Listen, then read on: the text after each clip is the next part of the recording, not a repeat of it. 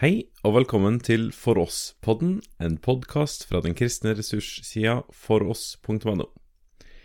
Denne episoden er et seminar av Knut Kåre Kirkholm om ordet 'hellig' i Bibelen, som ble holdt under For oss-konferansen 2019.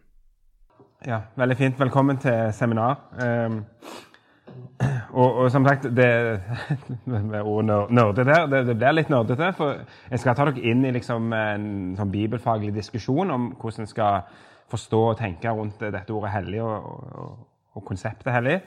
Eh, men det blir ikke sånn et det blir ikke sånn hebraisk ordstudium, dette her. Så dere skal slippe å frykte den slags, da. Eh, men eh, dette begrepet hellig, det er noe som selvfølgelig tror jeg er rett å si at alle kristne har et forhold til. Eh, og alle som er vant med liturgi, for eksempel, vet at vi bruker ordet 'hellig' masse i, den, i, liturgien. Vi snakker om å møtes i Faderens og Sønnens og Den hellige ånds navn. Eh, vi snakker om eh, i samlingsbønnen at vi er kommet inn i ditt hellige hus. Vi snakker etter lesingen av evangeliet. Sånn lyder det hellige evangelium. Trosbekjennelsen introduseres med 'la oss bekjenne vår hellige tru'. Og I denne bekjennelsen så snakker vi både om en hellig allmennkirke og de helliges samfunn.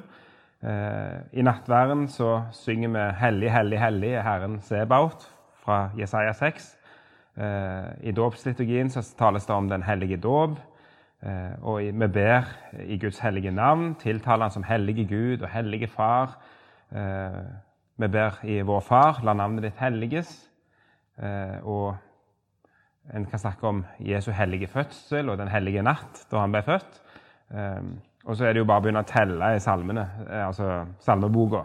Alle plassene hvor ordet 'hellig' forekommer i, i salmer og, og, så videre, og sanger som vi synger. Og, så Ordet 'hellig' er jo kjempe sånn kristent ord.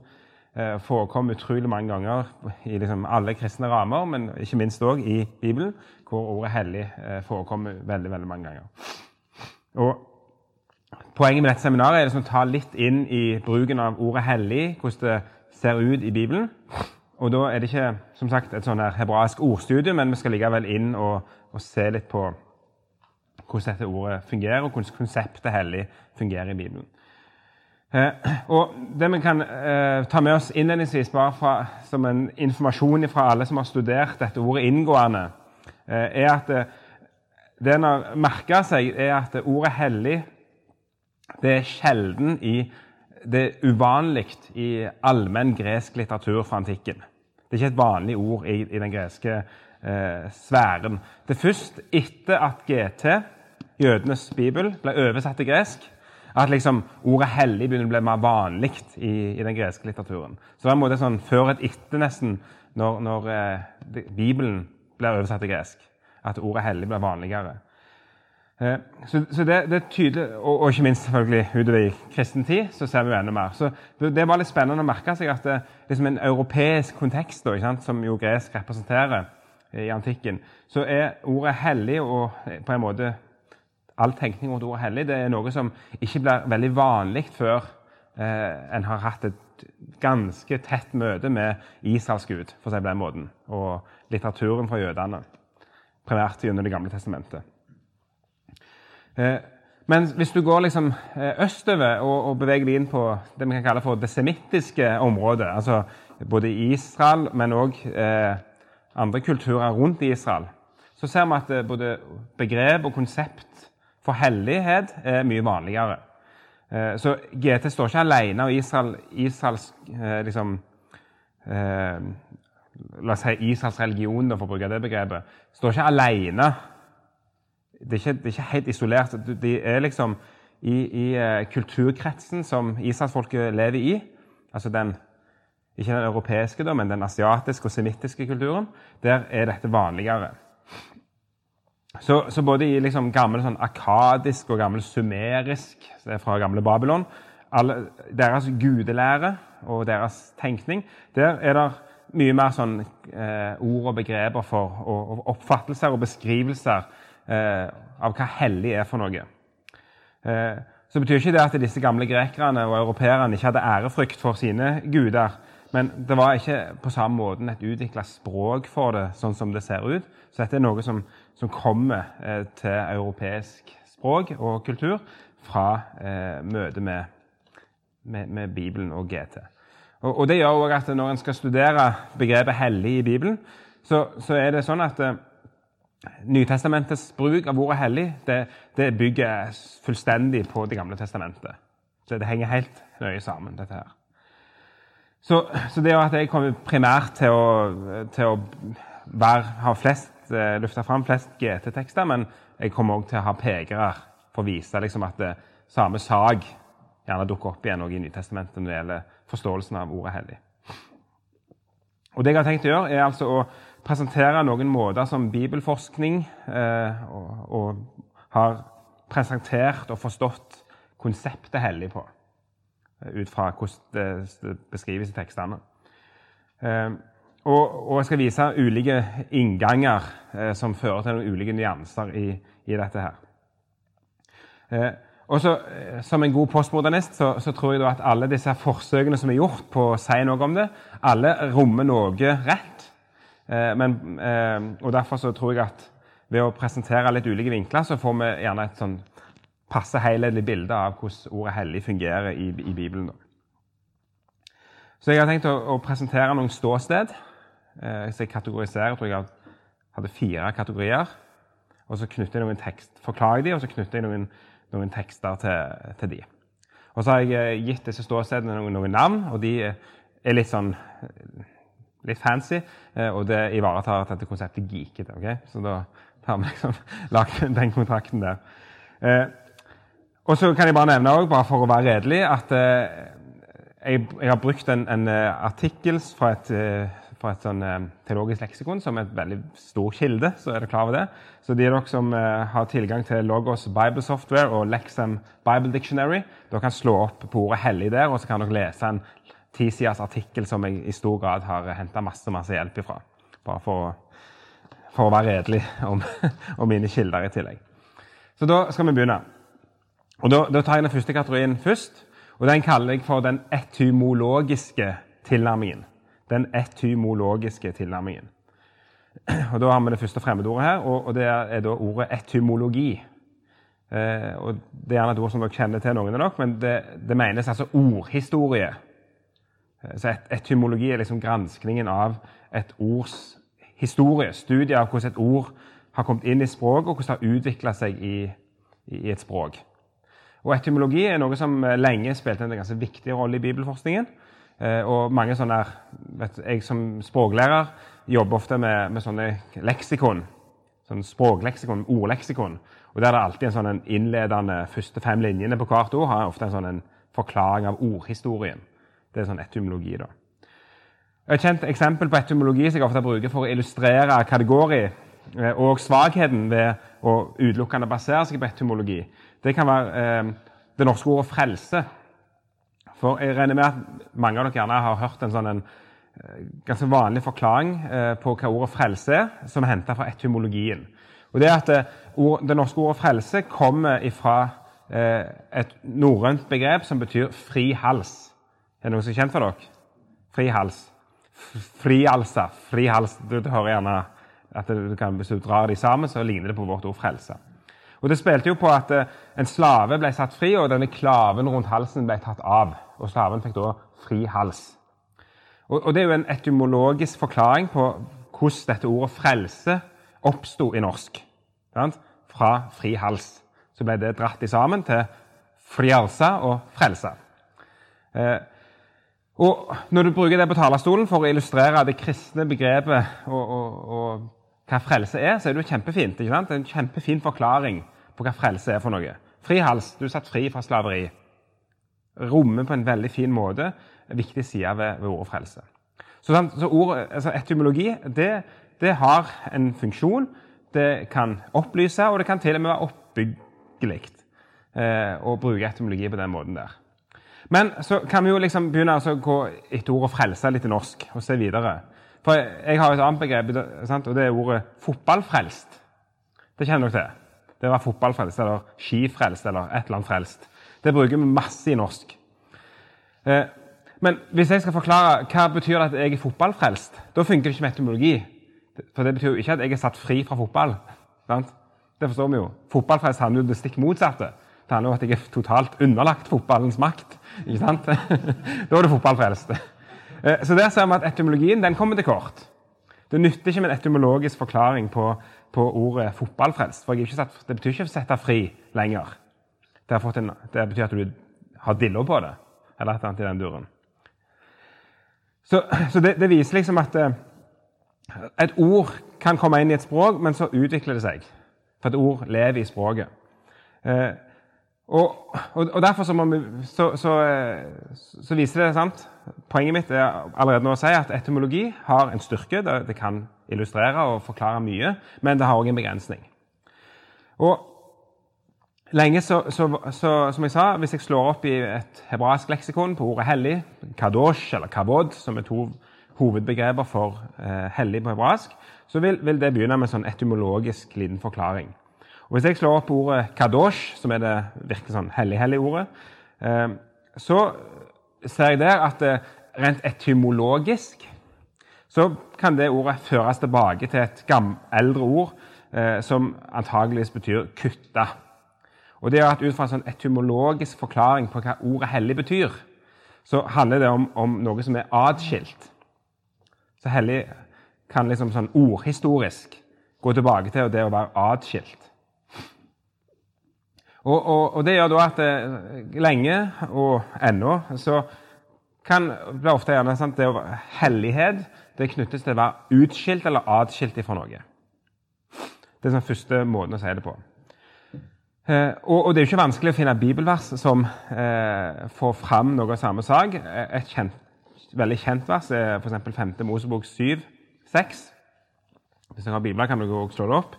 5. Mosebok 7, 6, det er altså Eh, tale til Israelsfolket eh, om eh, Herrens utvelgelse av Israel. Det er det som at For et hellig folk er du for Herren din Gud. Et hellig folk er du for Herren din Gud.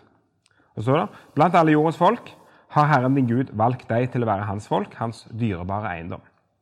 Så Det, det, det, det å være et hellig folk for, Israels, for Israel det handler om at de er valgt ut fra alle andre folk. Det er en utskillelse. Israel er utskilt ifra alle andre folk, og derfor så kalles de et hellig folk. Så hellighet og utvelgelse, utskillelse, henger sammen. Så der finner vi liksom eh, en pass, at her, her, passer denne etymologiske forklaringen veldig godt. Eh, hellighet handler om å være utskilt.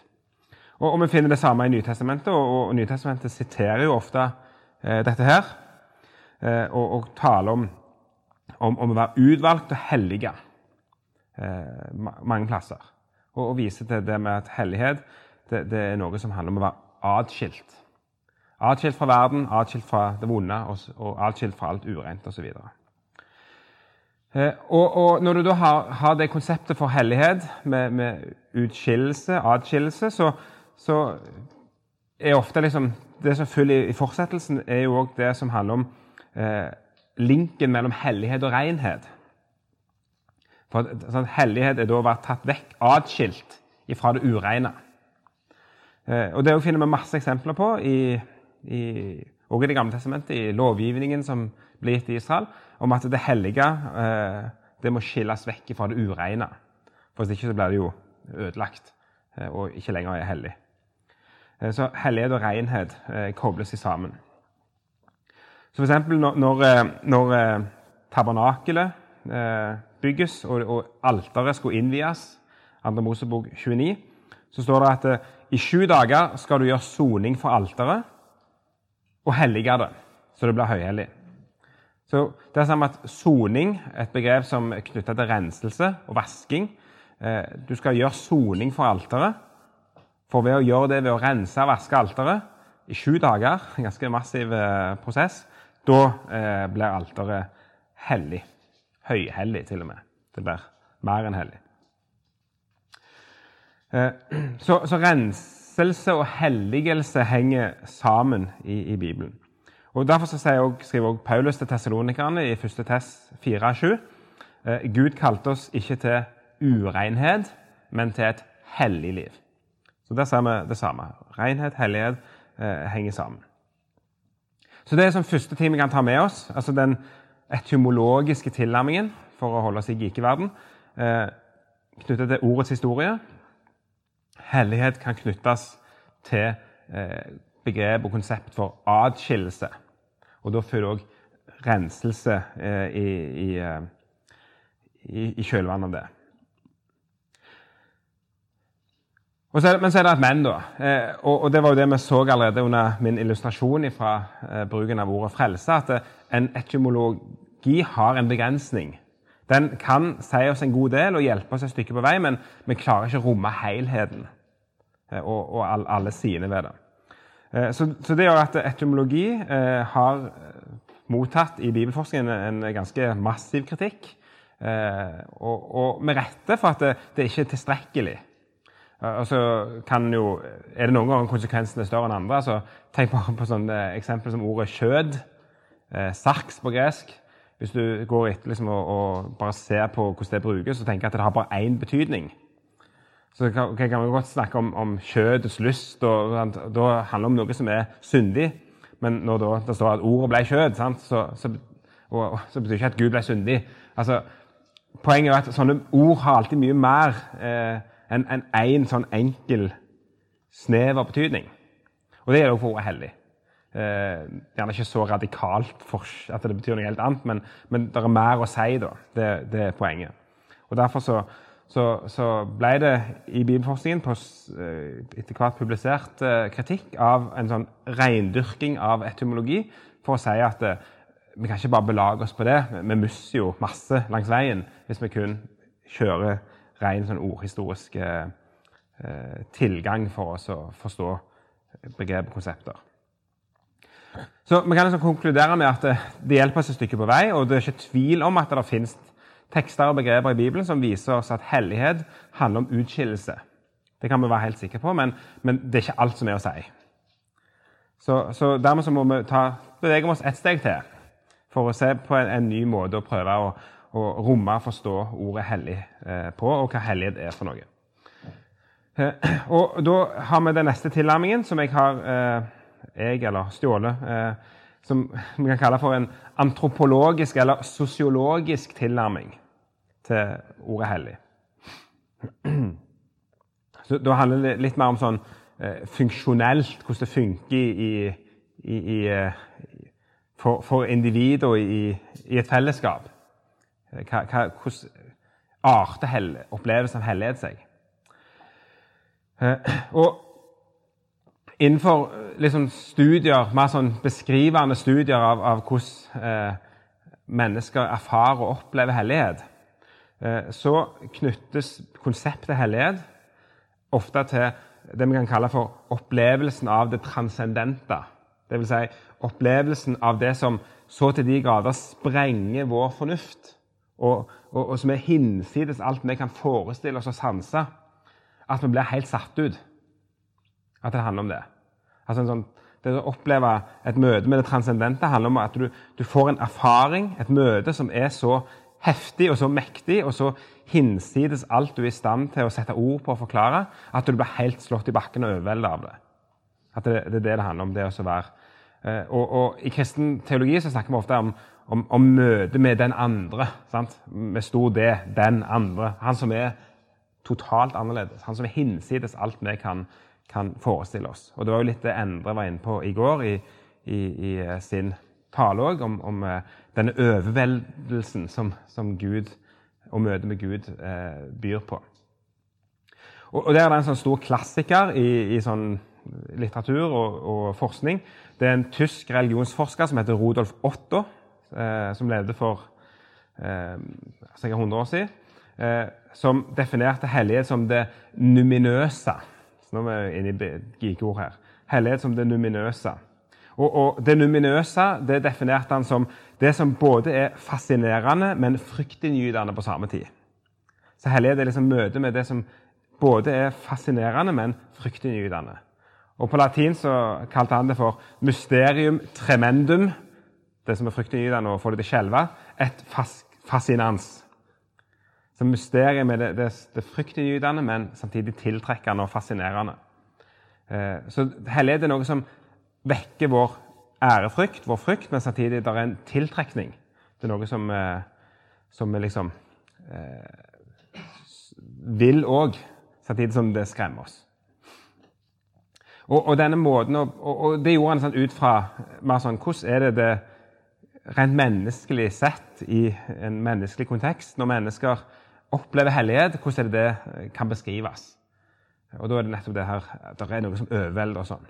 Og det tror jeg eh, Altså en mektig naturopplevelse. Sant? Altså, det er noe sånn, Du blir liksom satt ut av det, samtidig som du blir veldig tiltrukken av det. Jeg tror vi egentlig kan gjenkjenne noen av de følelsene i, i oss sjøl.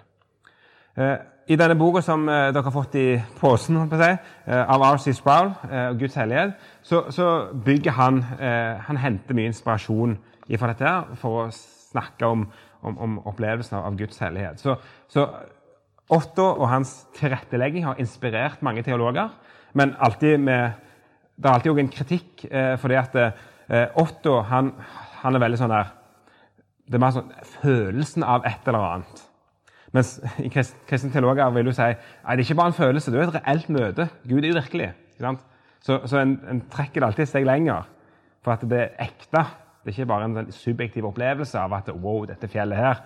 Sant? Men det er, det, det er, et møte med Gud, faktisk. da. Så Det er viktig å ha med når vi skal snakke om en sånn, hvordan kristne teologer har benytta seg av, eh, av, Ottos litt mer sånn eh, allmenne beskrivelser av, eh, av menneskemøte med, menneskers møte med, med, det numinøse, som var hans begrep.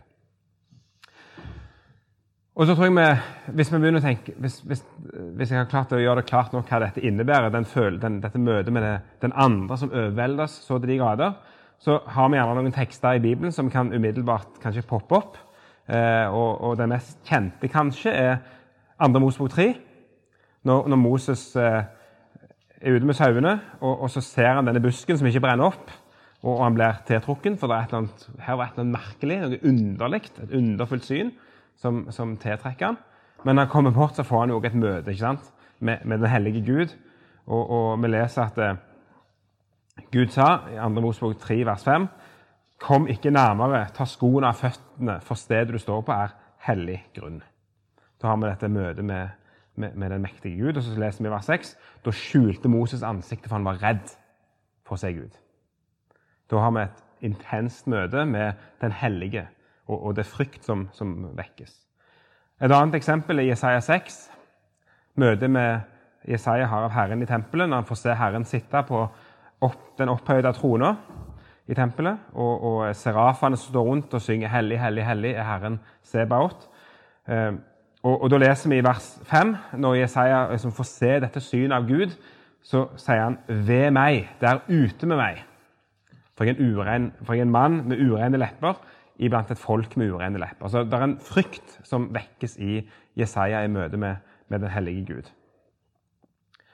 Og så har vi også, Hvis noen husker et eksempel i Nytestamentet som er litt fascinerende, det er jo når, når, når Jesus har altså den, Når Peter har fiska, og Jesus har hva skal han om andre sida, Peter kommer inn til land, og så faller han ned og sier 'Gå fra meg, for en syndig mann'. Det er jo helt utrolig. Her, her er en fisker som møter en eller annen lekmann som ikke har peiling på fisking, i som gir et fiskeråd som er helt idiotisk, og så skjer det et under. Og så blir han redd. 'Gå fra meg, jeg kan ikke være i din nærhet'. Da har vi, du har møte med den hellige. Jeg fikk et lite glimt av, av, av Jesu hellighet, og, og det vektes en frykt i, i Peter. Så Vi finner mange eksempler på sånne møter i Bibelen møter med Gud og Hans hellighet som skaper eh, frykt og ærefrykt. Eh, og her kan vi jo liksom tenke litt sånn videre inn i teologien at det, dette med hellighet er, hører til blant det vi kaller for Guds egenskaper eller Guds attributter i teologispråket. Hellighet er en, en egenskap ved Gud. Gud er hellig, sier vi. En egenskap ved Gud. Han er kjærlig, eller han er kjærlighet, hellighet. Vi har ulike sånne egenskaper. Eh, og Teologer prøver jo å, å liksom kategorisere sånne guddommelige egenskaper og prøve å beskrive sånne egenskaper som Bibelen viser oss. Eh, og En av de egenskapene er da hellighet. Og, og Det som er veldig viktig eh, i kristen teologi, det er å si at Guds egenskaper og hans vesen de er ett. Gud har ikke hellighet. Gud har ikke kjærlighet, Men Gud er hellig. Han er kjærlig. Det er et viktig poeng, for, det, for Gud er ikke sammensatt. Det er ikke sånn at Gud har hellighet, og så kan det komme litt mer eller litt mindre. Han er fullt og helt alltid hellig i, i sitt vesen. Gud har ikke kjærlighet som kan få litt mer eller litt mindre, men han er alltid fullt og helt kjærlig. Han er sine egenskaper. Eh, for Hvis ikke så blir Gud sammensatt, og det undergraver trua på at han er én, for å være litt sånn filosofisk. Eh, så han kan ikke bli mindre hellig. Han er alltid fullt og helt hellig. Og, og, og så er jo poenget at vi mennesker vi, vi har jo ikke adgang til, til, Gud i hans opphøyde vesen. Vi, kan bare få noen sånne små glimt, noen små erfaringer av det. Eh, av, av, hvordan Gud er. Kan jeg, på, altså, haltende bilde gjerne, men, men sant? ingen av oss kan ta et romskip reise til sola og lande på sola. Sant? vi, vi, er ikke engang i stand til å se på sola. Det ødelegger jo øynene våre. Eh, men, men, vi kan likevel gjøre oss erfaringer av sola både i form av varme og ja, lys som vi ser, osv. Og, og, og liksom, litt samme er det med Gud. at Vi, vi har ikke vi er stand til et nakent og bart møte med Han i Hans opphøyde vesen. Men vi kan gjøre oss erfaringer med Hans egenskaper og Hans vesen. Eh, på, ja, med sånne, sånne møter, da. Og, og, det er jo det, altså, Ingen kan se meg og leve, sier Gud eh, til Israelsfolket når når de er samla ved, ved, fjellet, Sinai-fjell. Eh, og, og, derfor så, så Bare for å ha med det òg Når, når må Prøv å tenke oss det òg. Altså, når Israelsfolket står ved Sinai-fjell, 2. Mosebok 20, så står det at eh, altså, de ti bud de blir proklamert eh, med en stemme fra himmelen, som folket hører. Og, og, bare den stemmen der Det står i vers 19 at eh, Tal med oss, du, sier folket til Moses, så skal vi høre. Men la ikke Gud tale med oss, for da kommer vi til å dø. Så de, de, de, de har ikke møtt liksom, de, har ikke møtt Gud naken og bart, de har bare hørt stemmen hans. Og, og det er nok til en voldsom frykt og et rop etter en mellommann. Så selv Guds stemme er for mye, for å si det på den måten. Eh, og, og, hvor mye mer umulig er det å se Gud i hans, eh, hans vesen, hans opphøyde vesen. Derfor så sier Luther skriver fint om det. Han sier at det, at det er utålelig og uutholdelig for den menneskelige natur med sansene og ville utforske og fatte Guds uendelige og ubegripelige vesen, majestet og herlighet. Det er altså utålelig og uutholdelig for den menneskelige natur å utforske og fatte Guds, Guds vesen. Det, det, er så totalt opphøyd for oss. Eh, og, og, det føres bare i skrekk, sier Luther, å, begynne med det. Du, du, blir bare redd hvis du begynner å, å, å, gå inn for å oppsøke et møte med Gud i hans vesen. Eh, og, og, du havner i, i, i ei blindgate. Derfor er det for Luther et poeng, og for oss et poeng, at eh, det er kun ved å søke Gud i Kristus. Det er kun der at vi kan få et møte som vi tåler, la oss si det sånn, eh, og et møte som eh, og, og, det å være Han, da kan vi liksom eh, få et glimt av, av Gud. Derfor så sier Johannes i, i Johannes 1, eh, Johannes evangeliet, at eh, ingen har noen gang sett Gud, men Sønnen har vist oss, eller forklart oss, utlagt, eksegert, som det står på gresk, eh, hvem han er. Det, det er i Kristus vi får et, et møte med, med, Gud. Eh, derfor så, så, er liksom oppfordringen til oss som kristne eh, Fordi at Gud i sitt vesen er så opphøyd, så totalt hinsides alt vi er i stand til å, til å bære. Det bare skrekk og gru og død og fordervelse egentlig for oss mennesker. Vi er ikke i stand til å tåle det. Så er det denne innstendige oppfordringen som eh, som har fulgt kristendommen heldigvis alltid, at eh, la alle spekulasjoner om hans vesen fare, som Luther sier det, og, og eh, grip kun Kristus, og la hjertet henge fast ved Kristus. Der får du et møte med, med Gud som, som kan bæres, for å si det på den måten.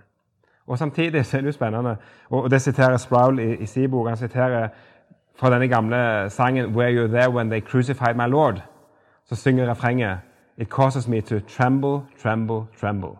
Så selv møtet med Kristus og hans kjærlighet på Golgata får meg til å skjelve av frykt, hvis jeg virkelig får glimt av det. Så selv liksom når Gud er transformert ned, ikke bare til mennesket, men til et totalt forakta, spotta, drept menneske Selv der får du et ekte glimt av hva det er for noe, så, så it causes me to tremble. Så selv der er det ærefrykt. Hvor mye mer når han er i sitt opphøyde vesen. Så, så hellighet handler liksom om, om, om, å få dette glimtet av hvem han er. Og så, og så, ser vi at vi må helt ned, og selv, selv om vi er helt ned i den djupeste fornedrelsen, så er, der, så, er hjertets respons, når vi får virkelig se hva det er, ærefrykt i møte med hvem han er. Eh, en erfaring av noe som overvelder oss, og som sprenger alle våre kategorier. Det er òg en side ved hva hellig er for noe. Så eh, Mysterium tremendum et fascinans. Det er litt sånn stilig begrep. Eh, og, og, jeg tror kanskje, eh, jeg håper, eh, at alle har hatt, eller kanskje får en gang i løpet av livet, noen sånne smakebeder, noen sånne små glimt av, av dette her. Fått oppleve både den ærefrykten, men òg denne tiltrekningen som et, disse glimtene og ånden av og til liksom tar vekk litt mer og viser oss enda mer, eh, så skjer det noe i, i våre hjerter. Og Det er òg en del av møtet med Den hellige. Så Det var kategori nummer to. Det som vi kalte for den antropologiske, sånn fint innpakka, men som rommer utrolig mye viktig og fin teologi. Og så kommer nummer tre, og den er mye mer sånn eh, bibelforskningskategori. Eh, og er basert på en bestemt måte å tilnærme seg eh, bibeltekstene på, som var vanlig for, enda vanligere for, for 100 år siden enn det gjerne er i dag, men fremdeles er viktig. Og i, for, mange plasser, og Det er det som en kalte for den kildekritiske tilnærmingen. Så skal vi liksom inn i en sånn side ved bibelforskningen som, eh, som særlig konservative eh, ofte har kritisert tungt, men som jeg skal vise at det er Han, gir oss et redskap, den òg, eh, selv om at det, det kan sies mye kritisk imot den. med det som kalles for den kildekritiske tilnærmingen. Eh, fordi at det er enda mer liksom, eh, måter vi kan beskrive hellighet på. Og, og, Det er da knytta til, til, denne, en sånn tilnærming som vokste fram eh, utover 1700-tallet. Det som kalles for historisk kritisk bibelforskning. Som var veldig sånn Det å lese Bibelen som bare et stykke litteratur, eh, egentlig som en kan bruke rette metoder for å få innsikt i. da. Eh, og, det en var opptatt av i, i, den tradisjonen når det gjelder Mosebøkene, det var liksom å skille ut eh, at disse bøkene kan, må være skrevne til ulike tider av ulike forfattere. Og så prøvde en å skille ut liksom, hva hører hjemme hvor.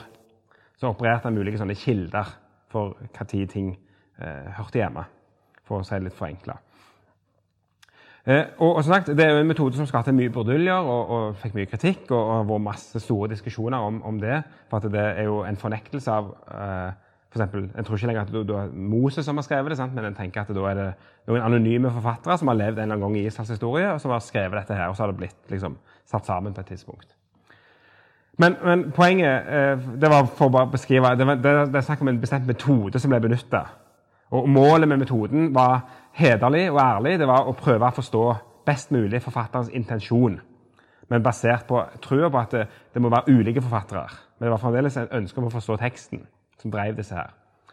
Eh, men det som er spennende med det, det var at de, eh, de, de, gikk til teksten med veldig sånn, på et veldig sånn pirkete nivå. Eh, og, og, prøvde liksom å skille ut ulike strømninger i, i tekstene. Og Det har gitt oss en del hjelp. Eh, uavhengig av hva en syns om den metoden, så har det gitt oss en del hjelp og en del redskaper til å forstå Bibelens hellighetsbegrep. Eh, og En sånn spennende grep da, er forholdet mellom hellighet i to av Mosebøkene, nemlig tredje Mosebok og femte Mosebok. Der ser vi en forskjell i måten hellighet beskrives på, som er veldig spennende og veldig teologisk nyttig. Så Den skal jeg òg ta med. Bare for å gi et glimt av liksom, hvordan eh, og, og, det henger litt sammen med, med det jeg sa innlednings, eller i, i stad. Jeg brukte eksempelet med ordet 'kjød', som brukes på ulike måter i ulike skrifter i Bibelen. det betyr jo kjøtt og, og det er dissende blodige kjøttstykker som ligger på disken på slakterbutikken. Men det blir brukt én plass for å beskrive vår svakhet og syndighet, en annen plass for å si at Jesus ble menneske. Så et, et begrep brukes på ulike måter i ulike bøker. Og, og, litt sånn er det vi får hjelp til her. Til å si at ordet hellig det brukes litt forskjellig i 3. og 5. Mosebok. Og det er spennende å legge merke til en sånn forskjell eh, på, på, eh, på, denne bruken. Og, og, De som har jobba med det, for å ta dere videre, nå, er at eh, den har merka seg da, er at eh, når ordet 'hellig' brukes i tredje Mosebok, så er det et mye mer dynamisk begrep. Det, det er mye mer sånn aktivitetsorientert. Det handler om, om, om eh, det er sånn dynamikk og bevegelse i hellig-begrepet i tredje Mosebok. Mens i femte Mosebok er det mye mer sånn tilstandsorientert, mer statisk.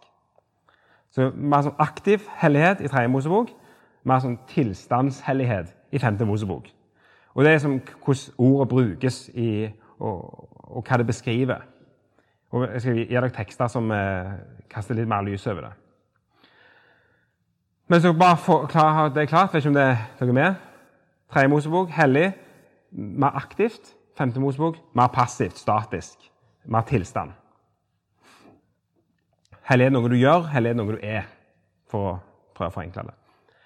Eh, I tredje Mosebok så er det altså dynamikk i det. Eh, og Utgangspunktet for hellighetsbegrepet og, og hellighetsbefalingene i tredje Mosebok er hele tida Herren. Eh, og sant, Dere skal være hellige, for jeg, Herren deres Gud, er hellig. Det er befalingen Gud gir om igjen og om igjen i tredje Mosebok. Særlig i, i, den kategorien som vi kaller for hellighetsloven. Eh, der vi har mange altså Kapittel 17, 18 til 26. Siste halvdel av tredje Mosebok. Masse lover om hvordan Israel skal leve som et hellig folk. Og da er det hele tida lovene er sånn eh, Det begynner med 'Jeg er Herren deres Gud', og derfor Eller jeg, nei, 'Jeg Herren deres Gud er hellig, derfor skal dere være hellige'. Og så er refrenget i lovene hele tida 'Du skal gjøre sånn og sånn og sånn. Jeg er Herren.' Og så er det både en påminnelse, for Herren er hellig, og derfor så skal folket være hellig. Så det er på en måte forankra i, i, Herrens hellighet. Eh, sånn, sånn, er det i tredje Mosebok. Eh, fordi at Herren er hellig, så skal folket aktivt leve eh, hellig, og, og, de skal innrette livet sitt eh, gjennom å, å, være hellige som, som en livsinnretning, for å si det sånn. da. Hvis vi går til 5. Mosebok og ser på hellighetsbegrepet i 5. Mosebok, så er vekten ikke så mye på liksom, Det er ikke så mye sånn 'vær hellig'. Det er ikke, det er ikke en befaling på samme måten som det er i 3. Mosebok. I 5. Mosebok er det mye mer 'dere er hellige'. Og derfor skal dere leve sånn og sånn. Så 3. Mosebok 'vær hellig og lev derfor sånn og sånn'. 5. Mosebok 'du er hellig, derfor lev sånn og sånn'. Det er forskjell i de to. Eh, en nyanseforskjell der. Eh, og I 5. Mosebok er, er, er liksom folkets hellighet det er altså, som vi så tidligere, at det, det er begrunna i, i, at Gud har utvalgt folket og inngått en pakt og en relasjon med folket. Derfor er de hellige. Den status de har fått eh, fordi at Gud har gjort noe med dem. Han har frelst dem. Så vi, skal vi ta bare ett eksempel, et teksteksempel, og det er rett og slett eh, spisereglene i, Det er jo regler i Det gamle testamentet om hva som er lov å spise og ikke. Og, og det, det, kommer to ganger. Det kommer en gang i tredje Mosebok og en gang i femte Mosebok. Og, og Forskjellen er litt spennende når vi ser på begrunnelsen. Hvorfor israelsfolket skal liksom avholde seg fra visse typer mat. Så jeg bare merke til hvordan begrunnelsen er forskjellig i de to, de to bøkene. Først 3. Mosebok 1145, for de som har Bibel. Slå opp der. 3. Mosebok 11,45. Det er liksom uh, avslutningen av uh, Da har det vært en lang uh, vært en lang sekvens både om, om, hva dyr de har lov å ikke spise Unnskyld, hva dyr de ikke har lov å spise. så det Rekesmørbrødet kan dere i så fall bare glemme hvis dere ønsker å følge disse reglene her. og så er det i tillegg regler for hva, det med hva du kan ta i. og, hvis, hvis et, sånn et ureint dyr faller på kornet ditt, hva skal du gjøre da? Altså, det er masse sånne detaljer hvordan du skal håndtere det. Men så begrunnes det til slutt da, i vers 45 hvorfor det skal være sånn.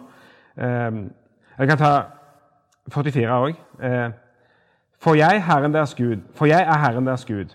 Dere skal hellige dere og være hellige, for jeg er hellig. Dere skal ikke gjøre dere selv urene ved smådyrene som det kryr av på jorden. For jeg er Herren deres Gud, som førte dere opp fra Egypt for å være deres Gud. Dere skal være hellige, for jeg er hellig. Så. Det er begrunna i Herrens hellighet, og så er det dere skal være det som jeg er. Derfor, ikke spis, disse, ikke spis reker, for dere skal være det jeg er. Dere skal være hellige. For det var av en eller annen grunn så, uh, ureint. Vi definerte dyr som urene. Så jeg kan bare i en kjapp parentes Apostelgjerningen 10, når Peter får dette synet eh, Eller 9 er det gjerne. Når han, når han, sitter og ber, og det kommer et syn av en duk fra himmelen med alle mulige slags ekle og urene dyr. Spis, sier Gud, eller sier Ånden, for det er noe nytt som har skjedd. Så vi, trenger ikke, vi kan spise reker. sant? Eh, heldigvis, gjerne. Eh, men i Gamle testamentet, eller i, i Tredje Mosebok, eh, spisereglene er altså begrunna i Herren, Herren er hellig, lev derfor som hellige, og vær aktivt hellige. Og derfor ikke spis disse her dyrene. Femte Mosebok, samme reglene. Det er samme dyr som ikke er lov å spise. Gjentas en gang til, kapittel 14, vers 3 til, 21. Der har du disse reglene for ureine dyr i Femte Mosebok. Så det kan dere òg slå opp. Eh, og så sies det der i eh, vers 21 eh, Dere skal ikke spise noe selvdødt dyr. Du kan gi det til innflytterne i byene dine, så han kan spise det, eller du kan selge det til en fremmed. Det er jo ikke at det er farlig å spise det, bare at det er ureint for israelsfolket. Så andre kan jo spise det helt trygt. Og så kommer begrunnelsen. For du, Israel, er et hellig folk for Herren din Gud. Du er et hellig, du, du er et hellig folk for Herren din Gud. Så kommer den vakre 'du skal ikke koke et skje i morens melk', som er grunnen til at de ikke har cheeseburger i, i Israel. Eh, faktisk. Eh, men du er, et hellig, du er et hellig folk. Sant? Jeg merket det. Her, er det. her er det statisk. Du er et hellig folk. Tredje Mosebok så vi. Dere skal være hellig aktivt, for jeg er hellig. Så En nyanseforskjell i begrunnelsen eh, som får fram at eh, i Tredje Mosebok har vi denne liksom, dynamiske helligheten. Det er en, aktiv livsinnstilling. Femte Mosebok et fokus på tilstanden. Folket er hellige, for Herren har gjort noe for dem. Og, og Det er to betoninger av ordet 'hellig' som vi ikke trenger å sette i konflikt med hverandre. Eh, men vi skal heller samle dem i utsagn som 'allerede', 'ennå ikke', eller som vi ofte sier i vår samling 'ble det du er'. Ble det du allerede er. Eh, vi har alt alle ting i Jesus. Vi er alt hellige i Han. Samtidig vær hellig. Lev hellig. Eh, og lev livet på, i samsvar med, med, sånn som han har sagt. Eh, og, og dette, er sånn, dette, er noe det jeg liker aller best med luthersk teologi. det er At en tør å stille opp disse paradoksene ganske skarpt mot hverandre og si her livet leves der disse to møtes. Du er, du skal være. Derfor sier forklaringen til dåpen òg eh, i Luthers katekisme en sterk betoning av dåpen som en gave der man har fått alle frelsesgodene. Samtidig dåpen et liv som leves. Så daglig gjenta liksom, drukningen og gjenopplevelsen.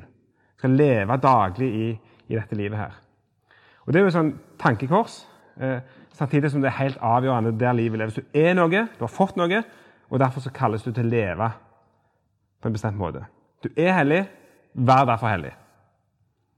Og Det er ikke en motsetning mellom det, men det er der livet leves. Dynamisk og statisk. Og, og, og de henger sammen. En ensidig gudshandling, et totalt menneskelig ansvar. De, de, de, står mot hverandre, og vi får, klarer ikke å løse dem, men, men, de må stå der. Eh, hvis ikke så mister vi en dimensjon. Eh, og, og, livet som kristne er å å leve i det paradokset der, egentlig. Mellom det, det, du har fått, og det du er kalt til å være. Bli det du er. Så altså, denne kildekritiske tilnærmingen som en fra et eh, bibelsynsmessig litt konservativt ståsted ikke er så veldig glad i, likevel så gir han en innsikt for han hjelper oss til liksom å, å, å, se nøye på ei bok, hvordan et begrep funker i, i en bestemt bok. Så Det var den tredje eh, tilnærmingen. Bare deg tida. Den går fort.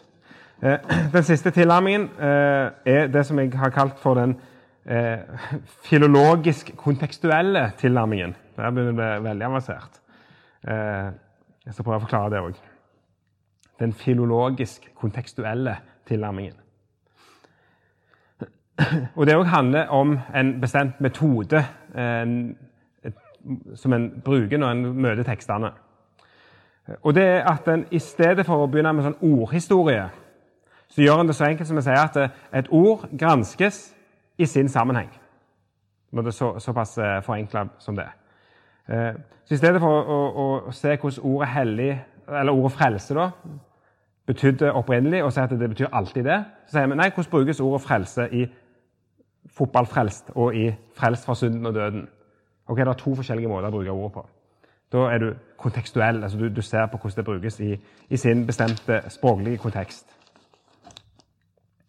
Eh, og Gjennom å jobbe på den måten så har eh, bibelforskere eh, sett at den vanligste bruksområden, bruksområdet for ordet hellig det handler om tilhørighet eller medlemskap i det guddommelige. Det oppdager en da. Det kan være spennende å ha med seg. Altså Hellighet brukes primært om, i Bibelen, altså flest ganger, eh, om det som hører til hos og befinner seg hos Gud. Tilhørighet er den guddommelige sfæren, for å si det på den måten. At hellighet på særlig måte er det. Eh, så, så det at, sånn, Mens den etymologiske tilnærmingen sier at hellighet er primært en utskillelse, så vil denne si nei, det er faktisk først og fremst en innvielse. Og så kan man si begge deler. Sant? Det er en utskillelse fra noe og en innvielse til noe annet. Du plasseres inn i, inn i Guds eh, sfære, og du tilhører Han. Eh, og, og, og, det Altså, det, det er jo på en måte rett. altså En har jo telt bare tekster og bare sett hva, hvordan brukes det flest ganger. Jo, det brukes flest ganger at hellighet på en eller annen måte knyttes til det å tilhøre Gud. Det var innviet til Gud og innviet til bru, hans bruk, for å si det på den måten. Og det at Hellighet om, er relasjonelt, det handler om en gudsrelasjon. Den som er hellig, tilhører Gud og hører hjemme i hans nærhet, i hans, i, i hans sfære, for å si det på den måten. da. Og, og, det er jo en, Hvis vi går tilbake til denne teksten i 5. Mosebok 7 Isaksfolket Israelsfolket er et hellig folk, men det står òg en dyrebar eiendom. Og Dette er mine favorittord. Eh, dette ordet dyrebar eiendom, segula på hebraisk, som ofte brukes for å si en sånn skatt som en konge har i sitt skattkammer. En dyrebar eiendom som, som kongen liksom har nært og er glad i. Israelsfolket er hellig utskilt, men, de er, men, det, men poenget er ikke at de er utskilt, poenget er at de er Herrens eiendom. Eh, og, og de er hans. Eh, og en, en eh, rent sånn liksom visuell eh, tekst, syns jeg, det er den teksten vi finner i, i forbindelse med skapelsen av mennesket, 2. Mosebok 2, 15, eh, og, og, hagen. Så står det at eh, sånn, Gud skaper først mennesket, og så planter han hagen etterpå. Så står det at eh, så tok Gud mennesket, som han har skapt først, og som befinner seg en eller annen plass, da, og så setter han det i hagen. Og Der tror jeg vi gjerne finner en kjempefin nøkkel til hva hellig det er for noe. Det handler om at Gud tar deg, utskillelse, fra den konteksten du er i, og så setter han deg inn i den konteksten som er hans. For hagen er, er jo beskrevet i andre, Første Mosebok 2 som en, med tempelspråk, som et aller helligste, der Gud er. Der Gud vandrer, der Gud bor. Derfor går Gud kveldstur i hagen i kapittel 3. Eh, så mennesket blir tatt ut, det skapte mennesket, som ikke er i hagen ennå, som ble satt inn i hagen. Er sånn visuell eh, hva er dette for noe. Var innvia til, til, Gud og til hans bruk og til hans nærhet. Og, og, og, og det gjelder også, altså I Nytestamentet så gjelder det også for ting, og det, gjør det også i Gamletestamentet. Altså de, ved å hellige alteret så inngis alteret til Guds bruk. Ved å hellige eh, gjenstander så inngis det til å brukes i gudstjenesten. Og, og sånn sier Paulus skrev til Timoteus at alt som Gud har skapt, er godt. Og ikke noe skal forkastes når det mottas med takk, for det helliges ved Guds ord og bønn. Fint uttrykk. Altså, vi, vi, vi, kan få ta i bruk alt til Guds bruk. Eh, for vi kan hellige det ved Guds ord og bønn. Og, kan, og, det gjør jo at det, eh, noe så simpelt og usselt som vann Ved ord og bønn så blir det nådens kilde som gir Guds frelsesgave. Brød og vin, ved ord og bønn, så blir det faktisk Jesu legeme og blod som vi får inn i vår kropp, og vi får del i ham. Det, er jo helt absurd menneskelig sett. Men, men det blir innvia ved Guds ord og bønn, til, og Gud gjør et under, og Gud bruker det, og, så får vi, del i det. Eh, og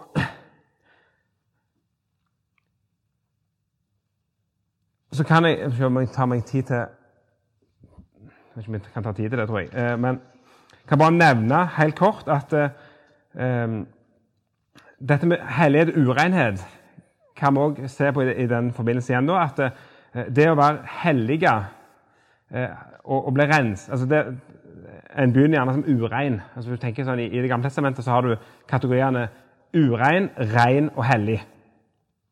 Så har du ureine dyr som ikke er lov å spise, rene dyr som er lov å spise, hellige dyr som er de feilfrie offerdyra. Eh, og, og, du har ureine folk, du har rene folk, og du har prestene som innvier til Guds bruk og osv. Altså, du finner disse kategoriene. Og, og, så er det jo sånn i, i eh, Bibelen at uh, ting kan måtte bevege seg på en skala her, da. Så, så jeg kan jo eh, Som menneske så Min nøytrale tilstand er ren. Men så kan jeg bli innvia og bli hellig. Eller jeg kan ta på et lik og bli urein. Og så må jeg jo da vaske meg og gjennomgå en renselse for å komme opp igjen. liksom så finner vi liksom en sånn skala i, i bibelske materiale med disse her begrepene.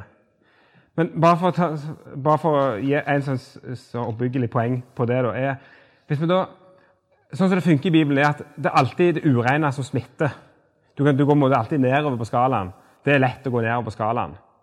Hvis en prest har et lik, er han urein.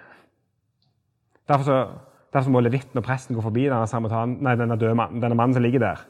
For de vet ikke om han er død eller ei og etter rabbinske forskrifter om, om så skyggen denne her faller på deg, du urein. Og, dermed er du ikke skikka til å gjøre tjenesten din. Så de, de, må liksom gå forbi, for det, det, de må bevare sin renhet. Eh, så, så, så, veldig sånn frykt for det ureine finner vi mange plasser i, i, Bibelen. Men så er det jo så spennende å møte Jesus, da. Og så ser vi ei kvinne som har vært urein hele livet, så tar hun på dusken av kappen til Jesus, og hun blir rein. Sånn? Plutselig så har vi smittsom hellighet som vandrer rundt i Israels land. Så der, der Bibelens bilde, eller Det normale er liksom at urenhet smitter og forurenser. Så møter vi Jesus som er det motsatte. Som smitter renhet og smitter hellighet. Så det, så, så, så det er jo det som er så fantastisk. at det, ved, ved, at Gud har kommet oss nær i, i Jesus, så er, er liksom denne helligelsen og denne renselsen tilgjengelig på en totalt ny måte. Der du hadde svære seremonier med offerdyr og blod og alt dette i Gamle testamentet, så har vi Nytestamentet. Hun tok med dusken, og hun ble rein. Eh, helt ny måte ting skjer på. Og igjen, ved at noe innvies, ved at brød og vin innvies, ved at vann innvies, ved ordet som leses, plutselig så, så skjer disse tingene ved, bare ved kontakt. Det er jo helt fenomenalt, helt nytt, helt utrolig at uh, Gud virker på den måten. Så bare ha med den òg uh, som, som, en flott ting. og og en del av, av Nytestamentets budskap. Eh, så altså, Et svært tema, ordet hellig, kan nerdes i, i, i, det uendelige. Men fire kategorier som kaster ulike lys over hva det innebærer. Og som er god postmodernist altså, jeg, jeg, tror dette her kan bli en helhet som, som underviser oss på en, ulike dimensjoner av hva ordet hellig er. Så det er forankra i Gud og hans vesen. Han er den hellige. Det er forankra hos han. Og så kan vi mennesker bli hellige det skjer ved at vi tas ut fra den konteksten vi er i, og så settes vi inn i en ny kontekst, nemlig hagen hans nærhet, for å si det sånn, i Kristus. Eh, hvor dette dypest sett skjer.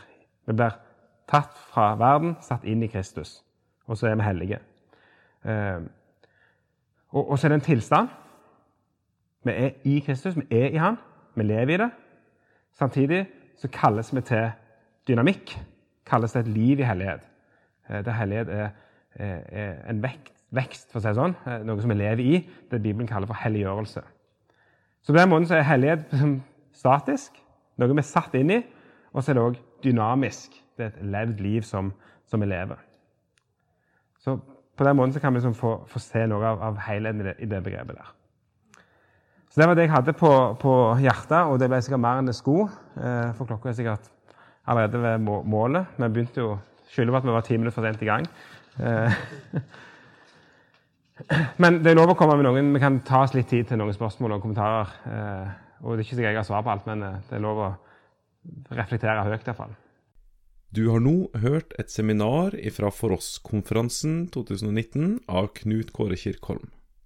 Finn flere ressurser, og vær gjerne med å støtte oss på foross.no.